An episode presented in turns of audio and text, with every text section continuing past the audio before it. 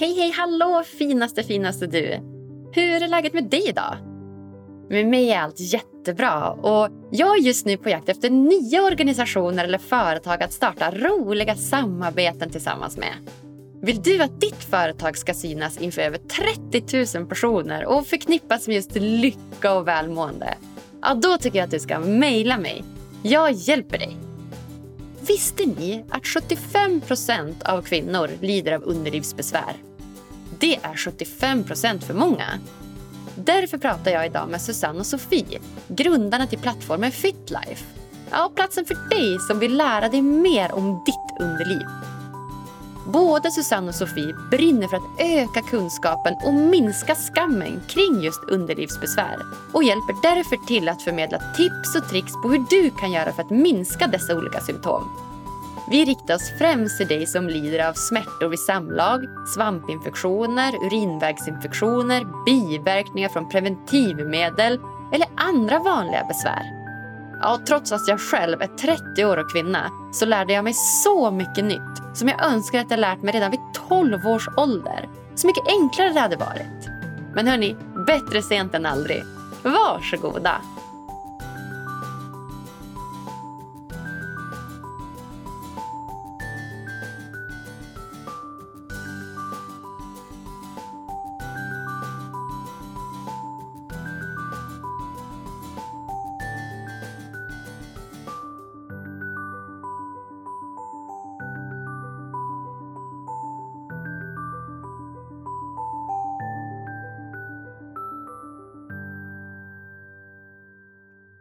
Wow, då säger jag för andra gången i poddens världshistoria välkommen till två stycken gäster samtidigt. Och det är ju då Susanne och Sofie från FitLife. Mm, tack. Tack! Wow, så kul att ni är här. ja, men det är så kul att vara här. Ja, tycker verkligen. Vi. Jätteroligt. Kul att vi är de andra gästerna som är två personer. Ja, precis. Ja, ja men jättekul. Jag hade ett par gäster från Upgrid, då, ett företag som vi har samarbetat ganska mycket med som har mycket, pratar mycket om preventiv vård och hälsa att göra. Och de, då var också två stycken med. Så att nu känner jag mig lite mer rutinerad på att inte göra två stycken samtidigt. Skönt. det är bra.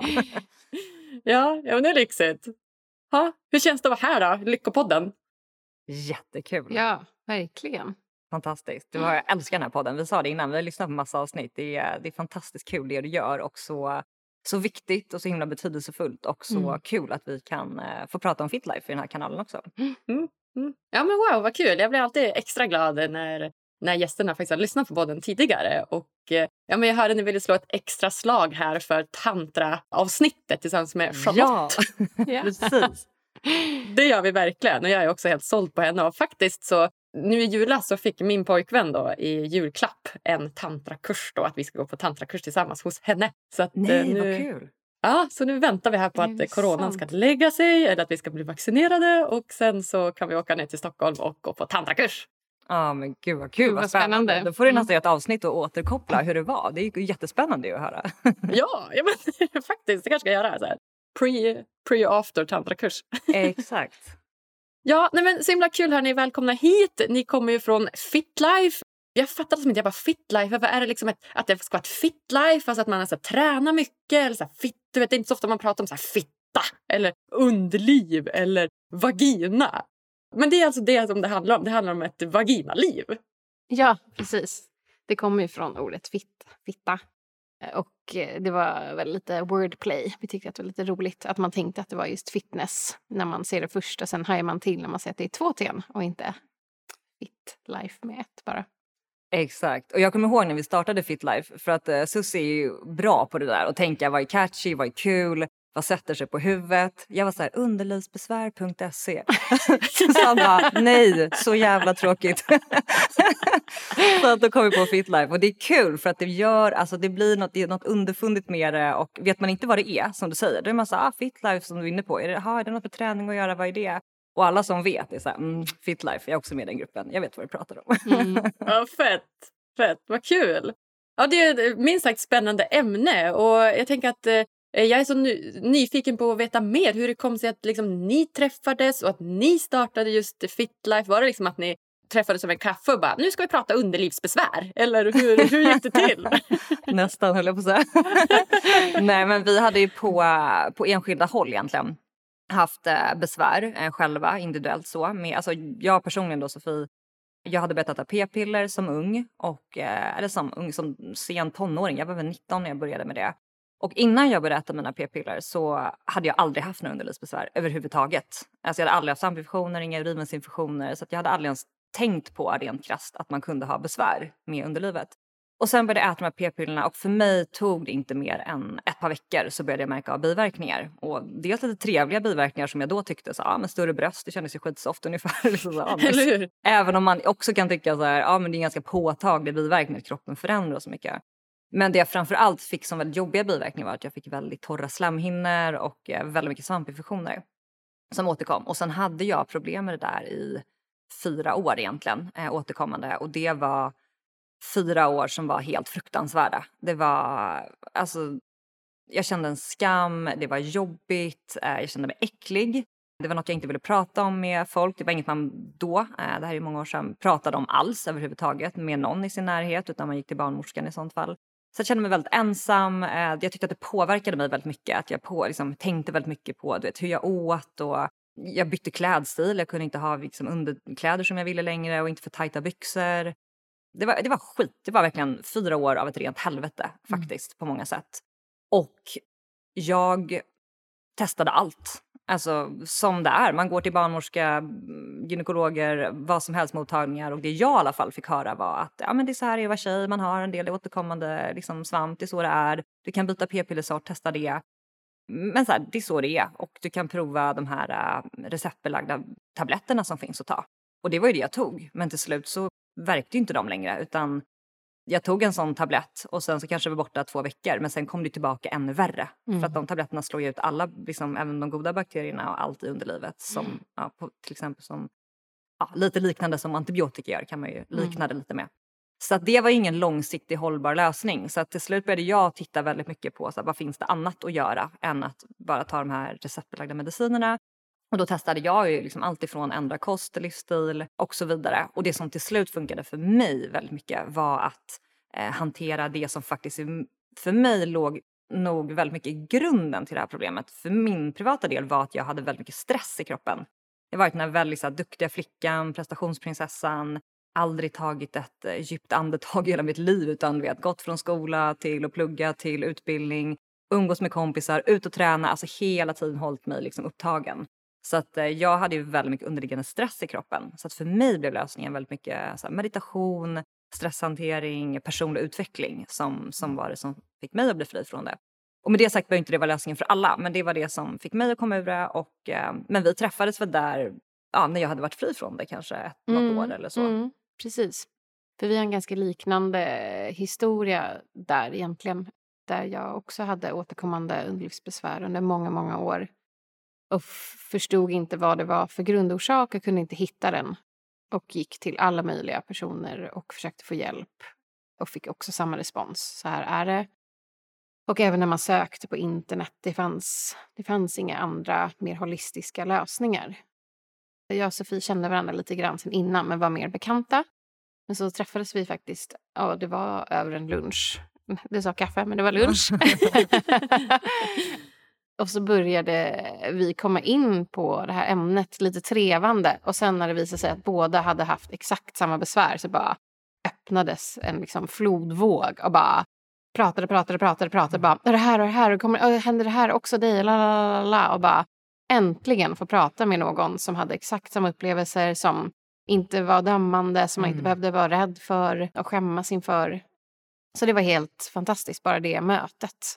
Och det är en av de stora grundbultarna till varför vi startade Fitlife. Just det här tabubelagda, att gå runt med en skam kring ens kropp och framförallt ens underliv och eh, hela systemet, hur det fungerar. Och inte prata med andra, förvärra problemen så ofta.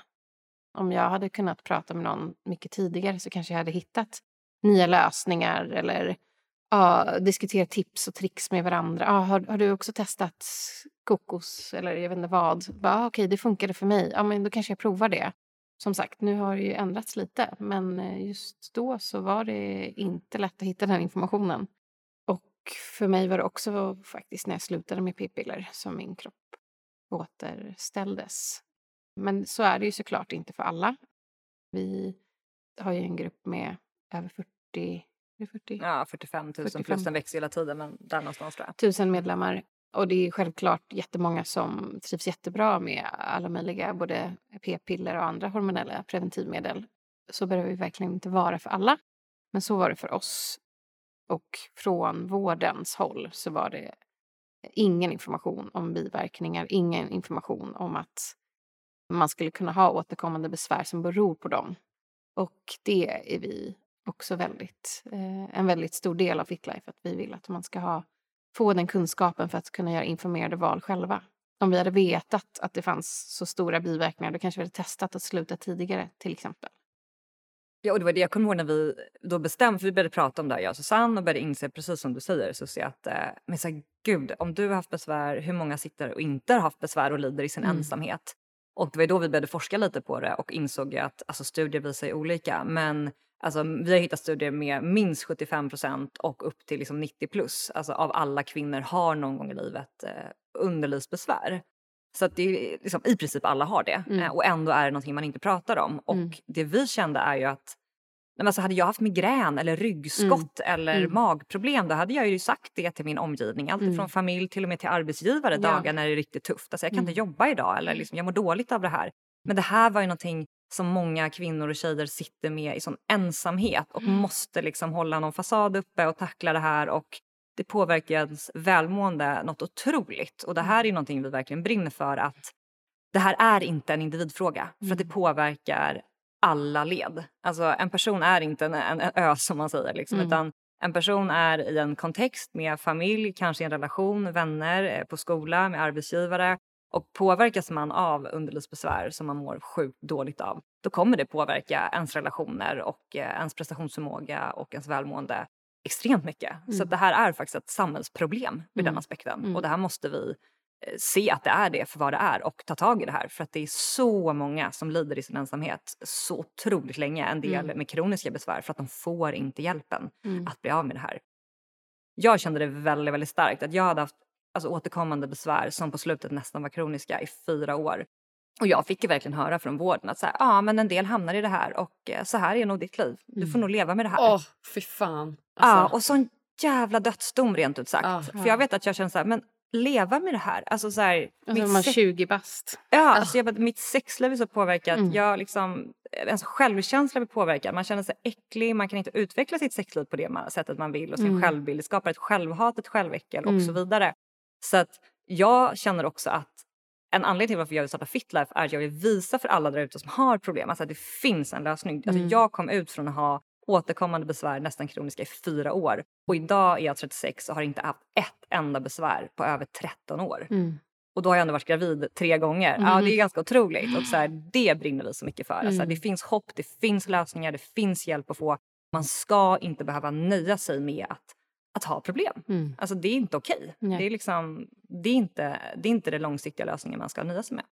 eh, nej, men alltså, jag håller helt med er. Och det är så bra och så spännande. Och det är verkligen en av anledningarna till att jag verkligen har velat här, söka upp liksom, kunskap om just såna här typer av problem för att kunna lyfta det, för att liksom, försöka minska skammen över det, för att göra det mer naturligt att prata om och för att liksom, öka den här kunskapen om det. Och det som fick mig att verkligen gå igång på, på just er, det var ju när jag läste på er hemsida att 75 procent av kvinnor har olika vaginala problem. Alltså va? Vad är det för siffra? Den är för hög.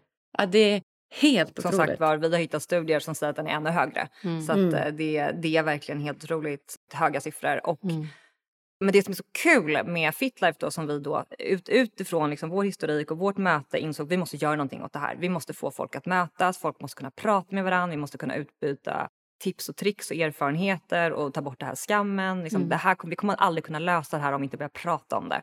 Så då startade vi Fitlife som är Facebookgruppen och det har ju strömmat folk till den här gruppen och gör det kontinuerligt sen vi startade den. Och det fina tycker jag är att vi träffar så många medlemmar som eh, säger att inte bara det är det så skönt att prata om det i gruppen och kunna läsa andras konversationer och kunna delta. Men att de också har tagit IRL. Att de helt plötsligt har Mm. börjat prata med sina vänner och bekanta och liksom börjat lyfta de här problemen. Och det är så många som säger det. Alltså, äh, men det är så Mm. sjukt. Jag började prata med min bästa kompis häromdagen. Mm. Hon har ju tydligen också haft urinvägsinfektion eller svampinfektion eller bakteriell vaginos eller vad det än är hur länge som helst. Att vi inte har pratat om det här innan. Så att det, är så, det tycker vi är så himla häftigt att se effekten av det. Ja. Det, det gör så mycket att känna att det, det gör verkligen skillnad. Och folk får ju så mycket kunskap och Mm. information. Det finns ju så mycket eh, som folk sitter på. Insikter och kunskaper, erfarenheter och fakta och man kan debattera, diskutera och dela Mm. med sig. Och, eh, så det är fantastiskt med, med internet på så sätt, hela Mm. digitaliseringen, att Mm. vi kan nå så mycket mer kunskap. Ja, ja men så kul. Jättebra. Men om jag tänker att vi ska grotta in oss och liksom lyfta de här eh, vanligaste problemen. Ni har varit inne på några här. Om ni, om ni skulle vilja utveckla liksom två, tre vanligaste problem och hur man då kan enligt er erfarenhet då behandla de här på ett bra sätt. De vanligaste just underlivsbesvären är svampinfektioner, urinvägsinfektioner, bakteriell vaginos. Sen ser vi också problem med mer hormonsystemet, väldigt mycket PMS eh, och hur man hanterar det, mycket frågor kring det. Och sen även vestibulit som är smärta vid samlag. Just det. Och om vi börjar med, med svamp då. Vad är en effektiv behandling för svamp? Men för det första skulle jag vilja prata lite om att, alltså för det första är så här, vi är ju inga experter, vi är inga gynekologer, vi är inga barnmorskor, men vi har själva haft besvär. Vi har läst på väldigt mycket, vi har kommit ur våra egna besvär och vi ser ju framförallt också otroligt mycket diskussioner i, i Fitlife-gruppen som har Mm. över 45 000 medlemmar idag. Men med det sagt, vi är inga experter utifrån liksom en utbildningsbakgrund så. Det känns viktigt att, att säga det. Men det som, som är med svamp är att vi har alla svamp i kroppen. Det är naturligt att ha svamp, man, alla har det. Det du inte vill ha är den här överproduktionen av svamp. Och tyvärr är det ju så att som väldigt mycket är ju forskning på kvinnohälsa väldigt eftersatt. Den är inte prioriterad. Så tyvärr, vi hade gärna sett att det fanns mycket forskning att luta sig på här och Mm. kunna så. Men det finns inte det. Och det behöver ju också komma till. Eh, Det är också en väldigt viktig del av varför vi driver Fitlife. Att vi vill gärna, vi vill se till att det kommer mer forskning på kvinnohälsa. Men det vi har sett väldigt tydligt i Fitlife-gruppen är ju att många har ju svamp som en biverkning av just p-piller. Och jag vet, jag fick ju det bland annat och när vi började starta Fitlife så läste vi på en del och då insåg jag att på den p-pillersorten jag åt så stod det till och med biverkning svampinfektion. Så att det var ju bara det att ingen barnmorska hade sagt det till mig och jag som 20-åring satt inte och lusläste bipacksedeln för det gjorde inte jag då. och det vet jag inte många som gör det i 20-årsåldern och inte idag heller kanske. Så det är en del som vi ser är väldigt vanligt, som har just en sån grej som kom upp väldigt tydligt när vi startade Fitlife. Att många var så här, men just det, alltså shit, jag hade inte haft svamp innan och sen blev det p-piller och då kom det. Och det är just att många får torra eh, slemhinnor eh, som skapar friktion och, eh, och så vidare. Så att eh, det är en vanlig orsak. Men sen har väl de få studier som finns, vad jag läst, så har man sett just att stress också kan vara en anledning till att man får svampinfektion. Precis, så fort det finns en obalans i kroppen. För där är ju en till sak. Det som håller svampen i schack annars är ju de goda bakterierna som man säger. Eh, de här laktobakterierna. Eh, och det kan man ju slå ut på massa olika sätt. Bland annat genom såklart stress och, och att, att tillföra saker till kroppen som den kanske inte riktigt är van vid. Så som hormoner i vårt fall, p-piller, väldigt höga doser av vissa hormoner. Men också eh, antibiotika väldigt vanligt att det slår ut. Det är också väldigt vanligt att man kan få urinvägsinfektion om man tar antibiotika. Att det är liksom sådana goda bakterier som även håller det i schack. Mm. mm. Ja, men superbra. Så orsaker kan vara då olika typer av p-piller, stress och obalans i kroppen. Så att eh, helt enkelt gå till botten med orsaken och kanske då eventuellt byta p-piller eller minska stressnivå kan då eventuellt vara sådana såna saker som Men minskar. Så, mm. Mm. Och kost och livsstil. Kost jättemycket. Jag åt eh, nästan enbart socker och vitt mjöl känns det som. Okej, så bort med socker och vitt mjöl. Ja, alltså alla är olika ska man ju också säga. Men eh, för min del hjälpte det väldigt mycket i perioder då det var som värst att verkligen ha en superstrikt diet där jag inte hade någon socker eller liksom vit mjöl utan att det var jätteviktigt att ta, ta hand om tarmhälsan som är en väldigt stor del av hela kroppens hälsa. Och det häftiga upplevde jag var att jag kände nog precis som Susanne att när det var som värst i perioder så kunde jag dämpa mina besvär genom att eh, äta mindre socker, liksom ingen alkohol och så vidare. Men när jag väl i mitt fall kom eh, så fick bukt med stressen och hittade liksom, alltså, grundorsaken för min del, att jag var liksom obalanserad, jag hade väldigt mycket stress i livet. När jag hittade en mer inre balans, då blev hela min kropp betydligt mer motståndskraftig. Så idag äter jag ju jag äter en balanserad kost, men jag äter vitt mjöl och jag äter socker och jag äter lördagsgodis med mina barn och, och bullar ibland och sådär. Så att jag har verkligen ingen extrem kost där jag inte äter gluten eller socker och jag mm. har inte haft ett enda besvär på, på 13 år som sagt var. Så att, eh, det är också viktigt att säga som du var inne på, så mm. att vi alla olika, det kan vara tips att, att testa om man har mycket besvär och man känner att man vill ta makten och göra någonting. Men jag vet också att det kan skapa en väldig stress för unga kvinnor att liksom, åh gud, en, en grej till att jag ska förhålla mig till, att inte äta det här och det här och tänka mm. på det. Och, som vi har pratat om, det kan bli mycket det här liksom, oh, självhatet och oh, mm. nu var jag dum, nu åt jag den där bullen, är det mm. mitt fel nu att jag fick den här svampen? Och så ska man inte heller behöva leva. Så att, uh, det gäller att hitta en balans och uh, individualisera det här faktiskt. Ja, men jättebra att du säger det. Som du säger, som att det finns inte så mycket kunskap så, så baseras ju mycket på dels den här gruppen och era erfarenheter och, och saker man har hört. Så det är bra att vi, att vi är tydliga med det. Nästa problematik är något som jag brinner lite extra för och det är de här urinvägsinfektionerna. För det har jag själv också haft lite problem med. Att jag lätt får när jag typ är kall eller när jag haft sex och kanske inte duschar direkt eller sådär. Så att eh, jag sitter ju nu varje morgon, jag vet inte om ni ser det här, det här är ju då mitt andra glas citronvatten idag. Så det är hyfsat stort. Om jag då jämför med min kaffekopp som är så här stor. Så nu, ja, exakt. Så nu jämför jag då ett stort ölglas med citronvatten och min kaffekopp som är liksom som ett vanligt normalt mindre glas. Så jag sitter ju och hinkar de här eh, citronvattnen hela tiden i förebyggande syfte. Och sen är det också, inte, inte bara för, för urinvägsinfektioner ska jag säga, utan det är också för att ja, men, återskapa den här pH-balansen i kroppen. Men fortfarande kan jag ju känna de här besvären med, med urinvägsinfektion har några tips där? Vad gör man för att bota eller lindra eller förmildra urinvägsinfektion? Där var du redan lite inne på orsaker som kan vara... När man väl har fått det eh, några gånger eh, känns det som med många av de här besvären så blir det lätt för en att få det igen. Både med svampinfektioner och urinvägsinfektioner.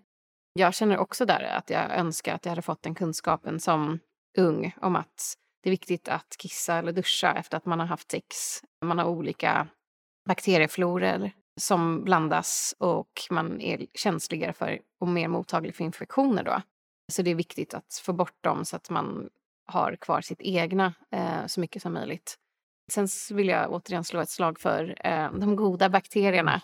Man kan ta det både som tab tabletter så att det är liksom invärtes men också direkt på. Det finns lokala krämer med probiotika som eh, jag har tagit i perioder både för svampinfektioner och urinvägsinfektioner som jag upplever um, hjälper och liksom stärker upp kroppen inifrån. Sen är det klassiska såklart att dricka mycket eh, och eh, citron och pH-balans där. Men vad är det mer för tips som vi har sett i gruppen?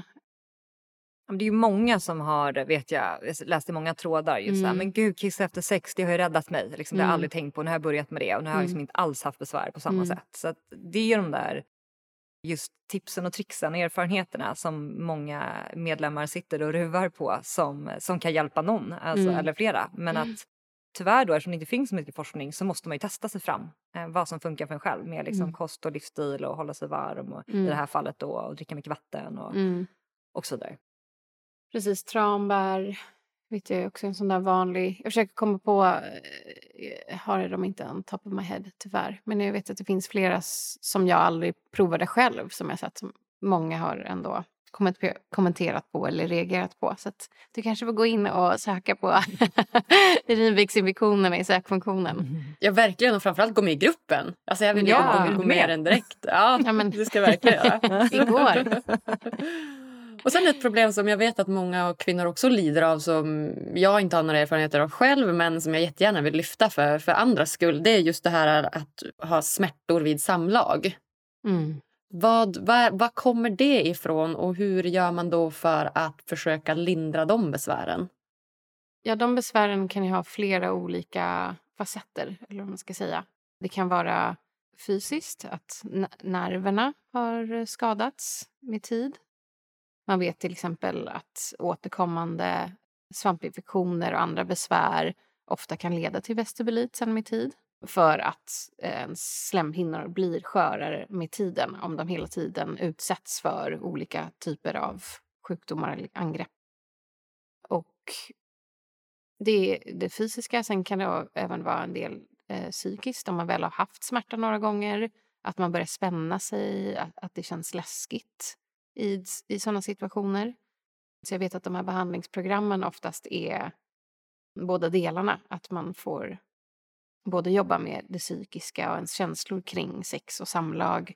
Det finns en del som har utsatts för sexuella övergrepp som sen får vestibulit och den här sortens problem.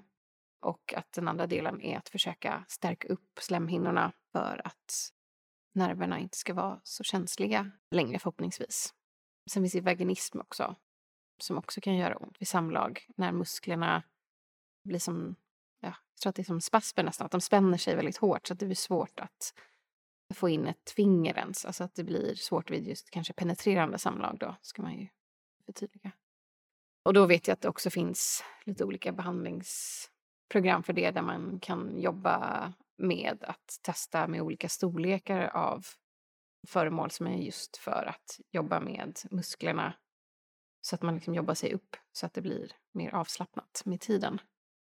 Ja, men jättebra tips. Gud vad bra. Det här tror jag många, många behöver höra och lära sig mer om. Så himla bra. Ja, ja, och sen så är det ju, jag vet att inom vården så är man ju ofta krämer som, som ska vara liksom smärtstillande så att man inte ska känna av det alls.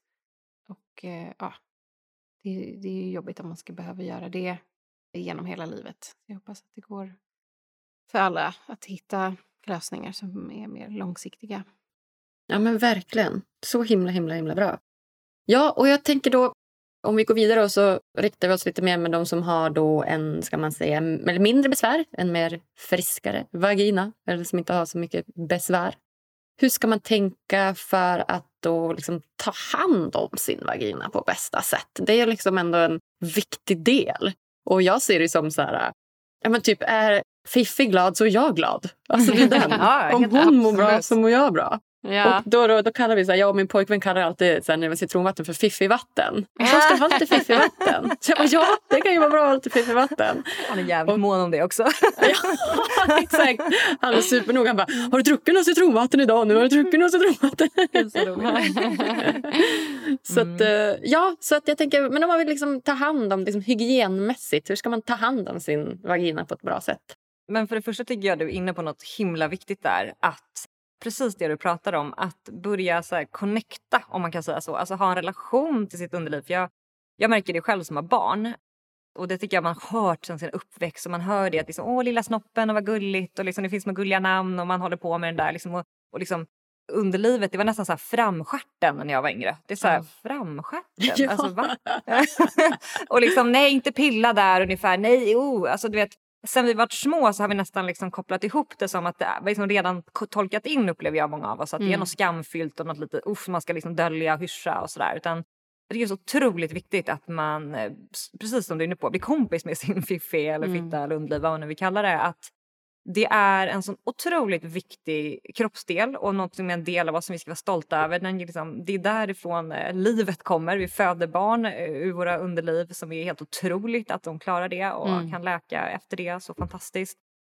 Vi får så mycket njutning av underlivet liksom, i sex eh, på olika sätt. Och, ja, men det är bara något som man verkligen, alltså bara där tycker jag är så viktigt att börja. Att så, etablera det i huvudet. Att ditt underliv är något fantastiskt och du ska vara stolt över och mm. connecta mm. med. Ingenting du ska liksom separera, hålla dig ifrån, skämmas över, tycka är äckligt. Där tycker jag är den viktigaste starten, mm. eh, att börja där. Ja, verkligen. Bara det här med att, det, jag kommer inte ihåg siffran, men att över typ 50 procent inte ens har sett sin fiffi eller snippa eller vagina eller vad man kallar den för, vulva.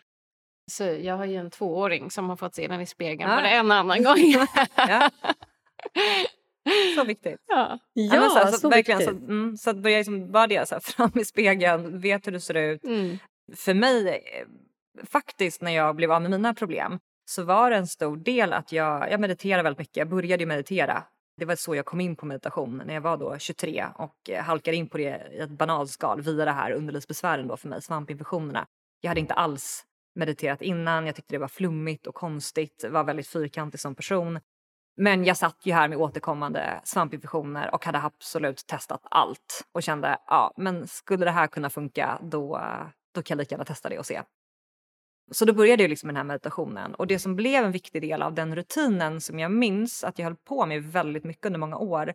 Det var alltså, det var lite som kroppsskärning om man tänker sån typ av meditation. Så jag låg ner, bort min mobil, eh, bara liksom slappnade av, djupa andetag och så började jag tänka liksom att jag satte andningen på olika kroppsdelar. Så man kan liksom, vi andas ju in genom munnen eller näsan, det är ju det vi gör naturligt. Men när man liksom blundar och andas in och ut så kan man liksom tänka sig liksom som rent mentalt bara vi som fantiserar att man andas in i någon annan kroppsdel.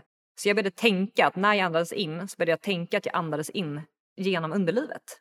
Och liksom, det blev ett sätt att så här, tillföra mental syre tror jag och connecta. Och det kan låta väldigt flummigt men det gjorde jättemycket för mig.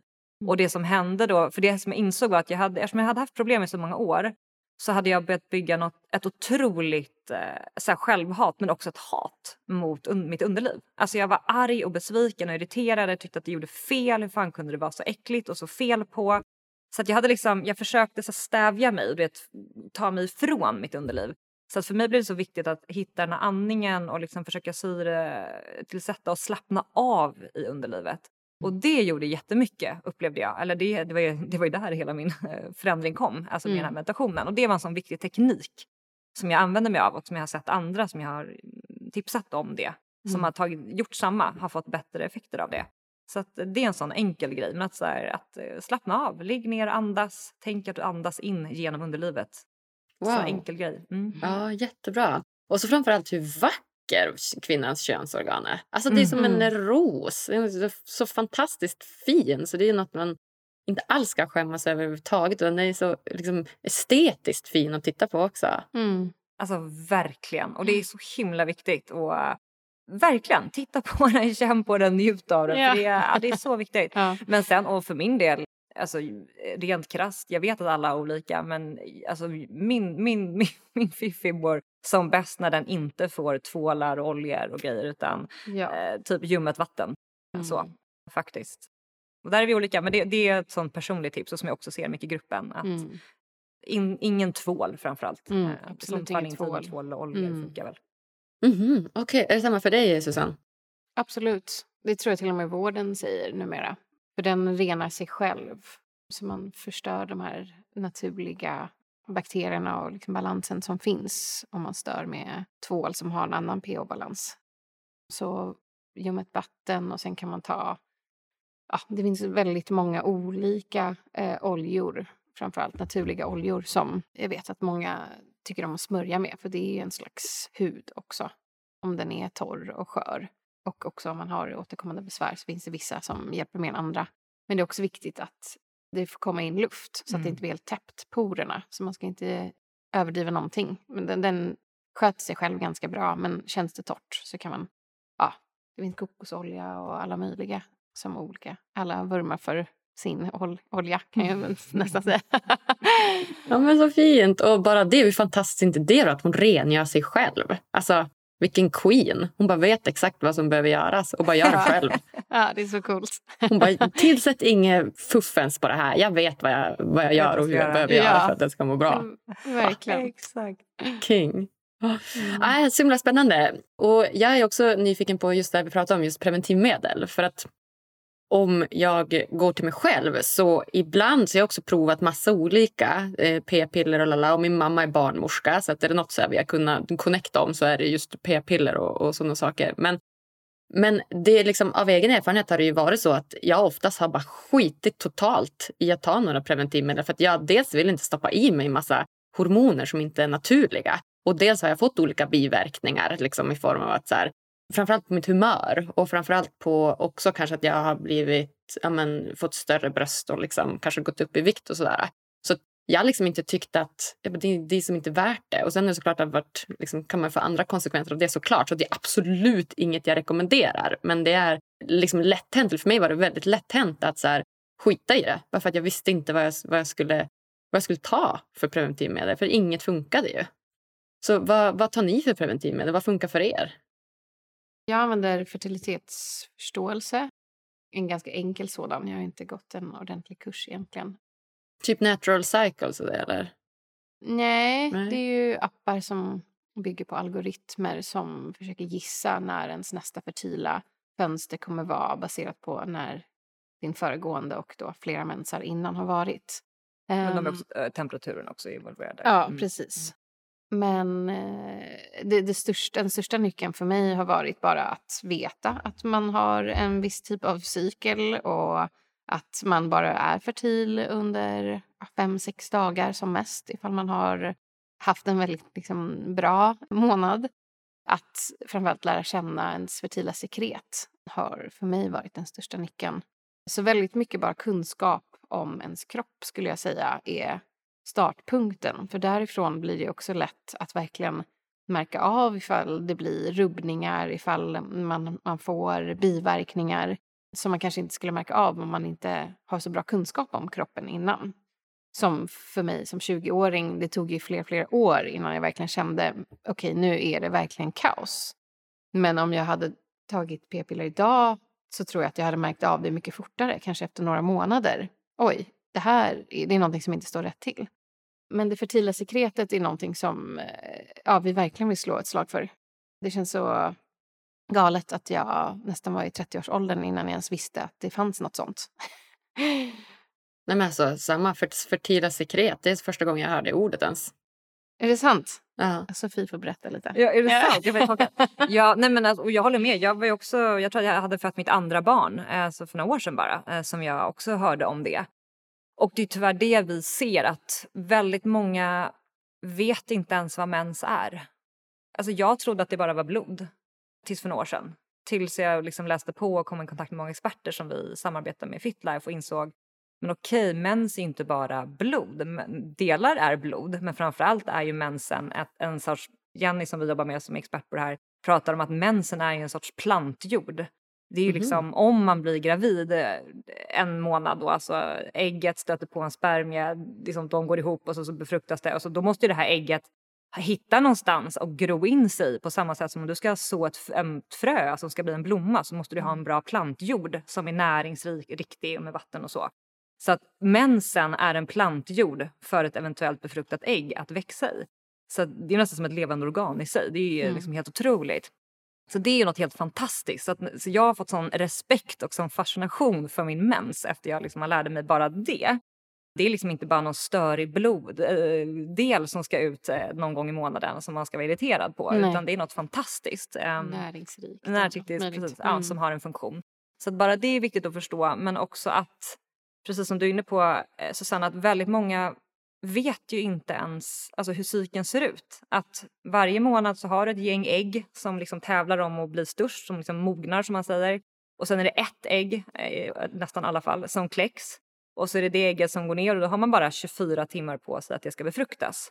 Och därför är kroppen gjort det då så att en spermie kan åka upp och överleva så att säga inne uppe i liksom äggstockarna och invänta det här ägget. Så att det, det kan vänta i upp till 4, 5, 6 dagar eller vad det är.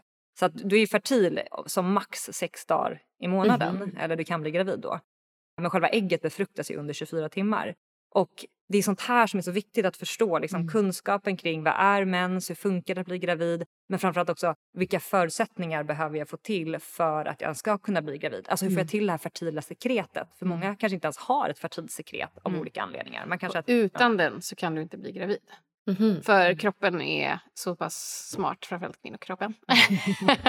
Woho! Kvinnan, kvinnan. eh, spermiernas pH-värde och eh, kvinnokroppens pH-värde är annorlunda innanför liksom, vaginan. Och för att spermierna då ska kunna överleva, för att vi ska öka chanserna till att kunna bli gravida och inte bara ha 24 timmar på oss, så släpps det ut ett fertilt sekret då som är samma pH-värde som spermierna så att de kan överleva. Och de har också en massa andra egenskaper som en viss liksom, konsistens. Det är väldigt gynnsamt att, för spermierna att simma i. Det, det, annars så är det ju mycket grötigare så att de inte kommer någon vart. Så annars så dör ju spermierna. Så att bara en sån sak. Jag trodde ju när jag var yngre att man kunde bli gravid när som helst och man måste ta p-piller hela tiden och skydda sig hela tiden. Men sen när man får veta att det bara är de här dagarna och att man måste lära sig att identifiera de dagarna, då blir det plötsligt en helt annan grej. Om man jämför med liksom män som är fertila hela tiden. Ja, ja men så spännande. Alltså, vad hade, knappt hade jag någon aning om det heller. Jag visste att man inte blev gravid liksom varje dag hela månaden men, och att det var liksom en, en stund efter mensen eller vad det var, och sen några dagar. Men, men om du vill lära dig den här liksom, fertila perioden, hur gör du då? Ja, men då finns det det som kallas för fertilitetsförståelse. Det finns lite olika... Um, du har ju bildningsmetoden, metoder, du har justismetoden. Mm.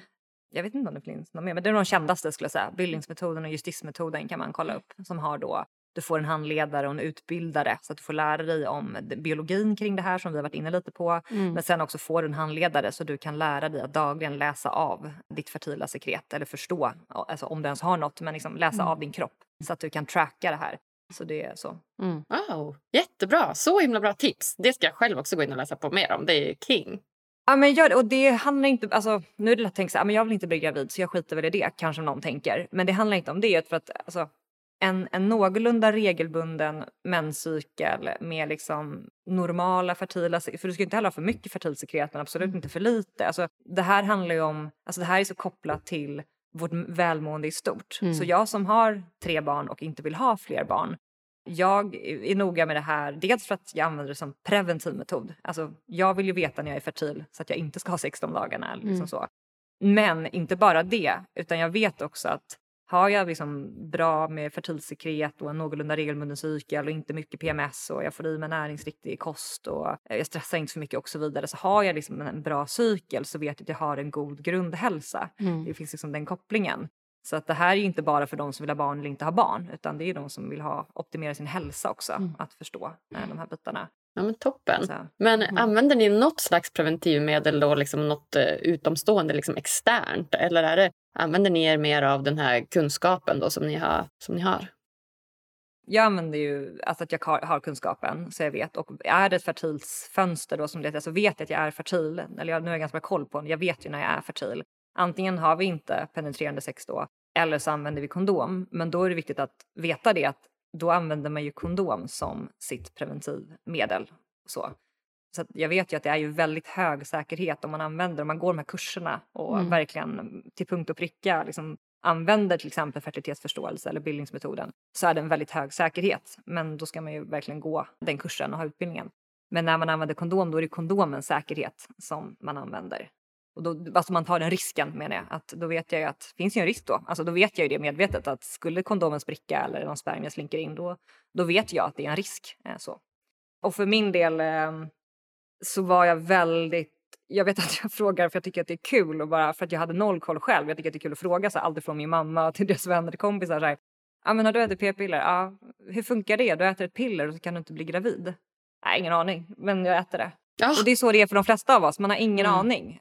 Jag liksom hade ingen aning om att det som händer är att du äter väldigt höga nivåer av artificiella hormoner som ska vara mm. hormonliknande men de mm. kan inte vara hormonidentiska för de är artificiella. Men du äter liksom fyra gånger större doser generellt sett eh, som du lägger i din kropp vilket då gör att din hjärna lägger ner kommunikationen och producerar sina egna hormoner så att du stänger av din cykel. Så att liksom när man, man har ingen mens när man äter p-piller, du har ju en bortfallsblödning och du har ingen ägglossning. Så att, eh, vi, har, vi har en egen podd som heter Fitlife där vi har intervjuat mycket experter kring det här som man gärna får lyssna på för att det, det finns otroligt mycket kunskap att hämta och desto mer kunskap man har desto bättre informerade beslut kan man fatta om sitt liv och sin kropp. Men har man inte kunskapen från början då vet du inte ens vilka motfrågor du ska ställa när du sitter med din barnmorska för att mm. du vet ingenting så du bara tar det du får. Det är så mycket jag hade gjort annorlunda om jag hade vetat det jag vet idag när jag mm. var 20. Wow, alltså wow, verkligen. Alltså så mycket mer kunskap det behövs om det här ämnet och i, ner i åldrarna. Alltså det här är sånt som kvinnor behöver få veta liksom innan de har fått sin, sin första mässa. Så tjejer, flickor behöver ju liksom, det här behöver ju som in i skolan. Du vet, obligatoriskt ämne. Du vet, måste bara pumpa ut det här till, till kunskaper. För det är som du säger, jag är 30. Jag har knappt någon koll känner jag själv. Det är helt eh, fruktansvärt. Så att, eh, ja, jag är så glad att jag bjöd in er här så att ni har kunnat lära mig det här. Och så att jag har massa mer tips på andra kommunikationskällor och informationskällor som jag kan gå in och läsa på. Så tack för det! Ja, varsågod. Hörrni, jag tänker att vi ska gå in på de sista frågorna här innan vi lämnar varandra. Mm. Och eh, då är det egentligen en fråga till er båda så ni får liksom separera era svar här. Och eh, den första frågan är då, vad gör er lyckliga? Vi börjar med Susanna. Va?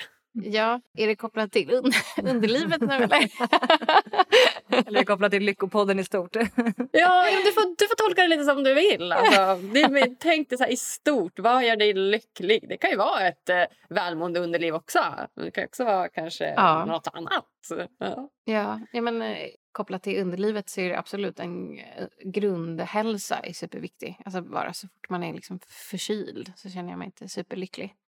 Men sen saker som gör mig lycklig är ju menar, att få vara i naturen, att få naturliga pauser i livet oavsett om det är meditation eller bara att få vara. Ja, liksom en stund för sig själv. Och sen även jättemycket sociala också. Eh, vänner, familj. Att få umgås och snacka skit om ingenting. Det kan lätt bli för mig en ganska känslig som person att jag kan tyngas ner av världsalltet och alla problem och sånt där annars. Så att eh, det behövs liksom balanseras upp för mig Mm. med annat. Mm. Och dans, jag älskar att dansa. Ja, gud det är så kul. Det är ju härligt. Eh, ja, det man så taggad också nu i pandemin. Man har Ja. inte festat på länge. Nej, men jag skulle nog säga också att med, alltså jag är tre barn idag och jag tycker med åren, desto äldre man blir så inser man på något sätt att lycka är de där små mikrostunderna som man hittar eh, ibland i vardagen, ibland just på en kul fest. Eh, det kan vara högt och lågt men för mig är lycka små stunder som man fångar ibland som är helt magiska när Mm. man hittar dem och det kan ju vara just det där men gud, som häromdagen. Nu är- när vi spelar in det här är det ju vår. Och jag gick eh, liksom och bara hem, hade lämnat barnen på förskolan och kommer in i en sån här, bara upptäcker en fantastisk bakgård med liksom åtta såna här körsbärsträd som Mm. var helt utblommade med de här rosa fantastiska blommorna. Och liksom solen bara strålade in. Då kände man så här, nu är jag gammal för nu går jag verkligen och njuter av det här. Men det var så härligt. Eller bara så här när barnen, du vet, eh, ja, men jag har en tvååring hemma. Alltså, Mm. hon kan ju få mig att skratta och vara i nuet på ett helt otroligt sätt. Så att det, Mm. det är nog mycket det där, de små stunderna faktiskt. Mm. Eh, kan låta lite klyschigt men jag tycker verkligen att det har blivit med åldern eh, mer och mer de som skapar min lycka. Än de där jättestora grejerna. Liksom. Mm. Ja, men jag håller helt med. Upp, alltså, upptäcka livet och njuta av livet som, som kommer och går. Och som du säger, att eh, omfamna de jobbiga stunderna och liksom njuta av de fantastiska stunderna. Och, och liksom bara njuta. Jag håller helt med. Fång, fånga, fånga dagen, carpe diem. Nu blir det så här... Mm. Ja, Alltså, men lite så. Ja, men vackert. Men det gör också väldigt skönt i det tycker jag insett att lyckan är, för det var, när jag var yngre kunde jag nog tänka att men lyckan är ju liksom när jag har det där jobbet, när jag åstadkommit det där, när jag är på den där fantastiska resan. Det var så grandiost och så insåg Mm. man med åren att fan det är bara en jävla hägring hela tiden. Alltså Mm. det, det, är ju hela tiden något nytt som uppstår. Att man började inse att det är inte den där jakten på något där framme utan det är ju faktiskt här och nu. Och det är också väldigt skönt att inse det. För då springer man inte efter något utan man fångar lyckan i de Mm. små stunderna. Liksom. Mm. Ja, men helt sant. Kul. Ha, om ni fick ge lyssnarna en utmaning som de kan göra varje dag för att bli lite lyckligare, vad skulle det vara då? Jag vet vad du kommer säga. ja, exakt. Mitt standardtips är så här, meditera. Ja. Nej, men jag skulle säga så här, utmana dig själv och börja inte med att titta på telefonen. Liksom, gå ut och titta utanför fönstret om du kanske har turen att se lite blå himmel, eh, vad den är. Alltså, här, börja inte med att kolla telefonen, sociala medier, mejlen. Mm. En sån liten grej som är sjukt svår för väldigt många men Mm. gör väldigt mycket. Mm, just det. Så försök undvika telefonen mer och eh, hellre gå ut och titta på den blåa himlen eller på eh, fåglarna eller på regnet. Eller på Ja, eller tänka precis. Men för jag vet ju, inklusive mig själv, faller där väldigt ofta till och från Mm. också för att man har alarmet på mobilen och Mm. så vidare. Att det första man gör när man vaknar så är det lätt att gå till mobilen Mm. och det är lätt och så öppnar man upp mejlen Och så dras öppnar- in. Ja, så, blir man- blir- oj, och så är det nyhetsflöde och en uppdatering. Mm. Och då blir det ofta det som får sätta liksom, stämningen eller Mm. liksom, sinnesron för din dag. Mm. Att det, det så dumt att vara så opportunistisk i det och lämna det i någon annans händer. Utan Mm. se till att du sätter dina intryck i början på dagen. Mm. Mm, jättefint. Vill du lägga till någonting, Susanne? Ja, jag tycker också att det är jätte, jättebra förslag. Jag brukar också försöka med det och lyckas mer eller mindre Mm. eh, från dag till dag. Men sen, jag är ju gammal yogi så att jag brukar försöka göra några solhälsningar också. Bara komma, komma in i en viss stämning och bara känna in sin kropp och sig själv varje morgon helst för mig. Mm. Det behöver inte vara något som tar jättelång tid eller superavancerat. Verkligen bara några solhälsningar. Typ. Andas och vakna på det sättet. Och nu händer inte det varje dag när man har en tvååring, men försöker. ja. ja, det är superbra tips. Det tycker jag lyssnarna kan ta med sig mycket av. Härligt. Ja, nej, är det något så slutligen som ni känner att Åh, det här det här har jag inte fått säga i Lyckopodden? Och det var ju precis det här jag tänkte säga. Om det är något som ni vill liksom säga som ni inte har fått säga än. Nej, men det uppenbara, gå med i Fitlife. Den har vi inte missat. Exakt. Fitlife, streck, underliv och hälsa finns på Facebook. Mm. Ja, men lätt. Jag ska, jag ska gå med direkt och jag kommer bli ett största fan. ja, men det, det, är som en, det är som många säger när de går med. Så, alltså, det är sånt arkiv. För det finns ju sån här sökfunktion som det gör i alla grupper. Så att du kan ju söka på liksom, problem och ord så får du upp liksom, alla trådar med hundratals kommentarer. Så att det mm. finns ju ett, äh, ja, det finns så mycket att läsa om. Äh, så att, och det är just ofta så känner ju många det här är ju liksom inte ämnen man har pratat med så mycket med så många. Så att det är är en liten, eh, vad säger man, helig graal. Eller vad man kallar det. och gå in och titta. Ja, men kanon. Och man kan ju verkligen säga att det behövs i samhället och det är verkligen ett bevis på antal följare ni har där. Det var ju var 45 000. Det är ju inte lite människor, lite kvinnor som behöver den här kunskapen. Så att det är helt fantastiskt. Så jag är så glad att ni ville vara med i podden verkligen. Ja, Tack för att du fick komma. Det var jättekul att vara med. Verkligen. Ja, vad härligt. Ja, men då säger jag bara tack, tack, tack snälla Sofie och Susanne för att ni kommer gästa mig på Lyckopodden!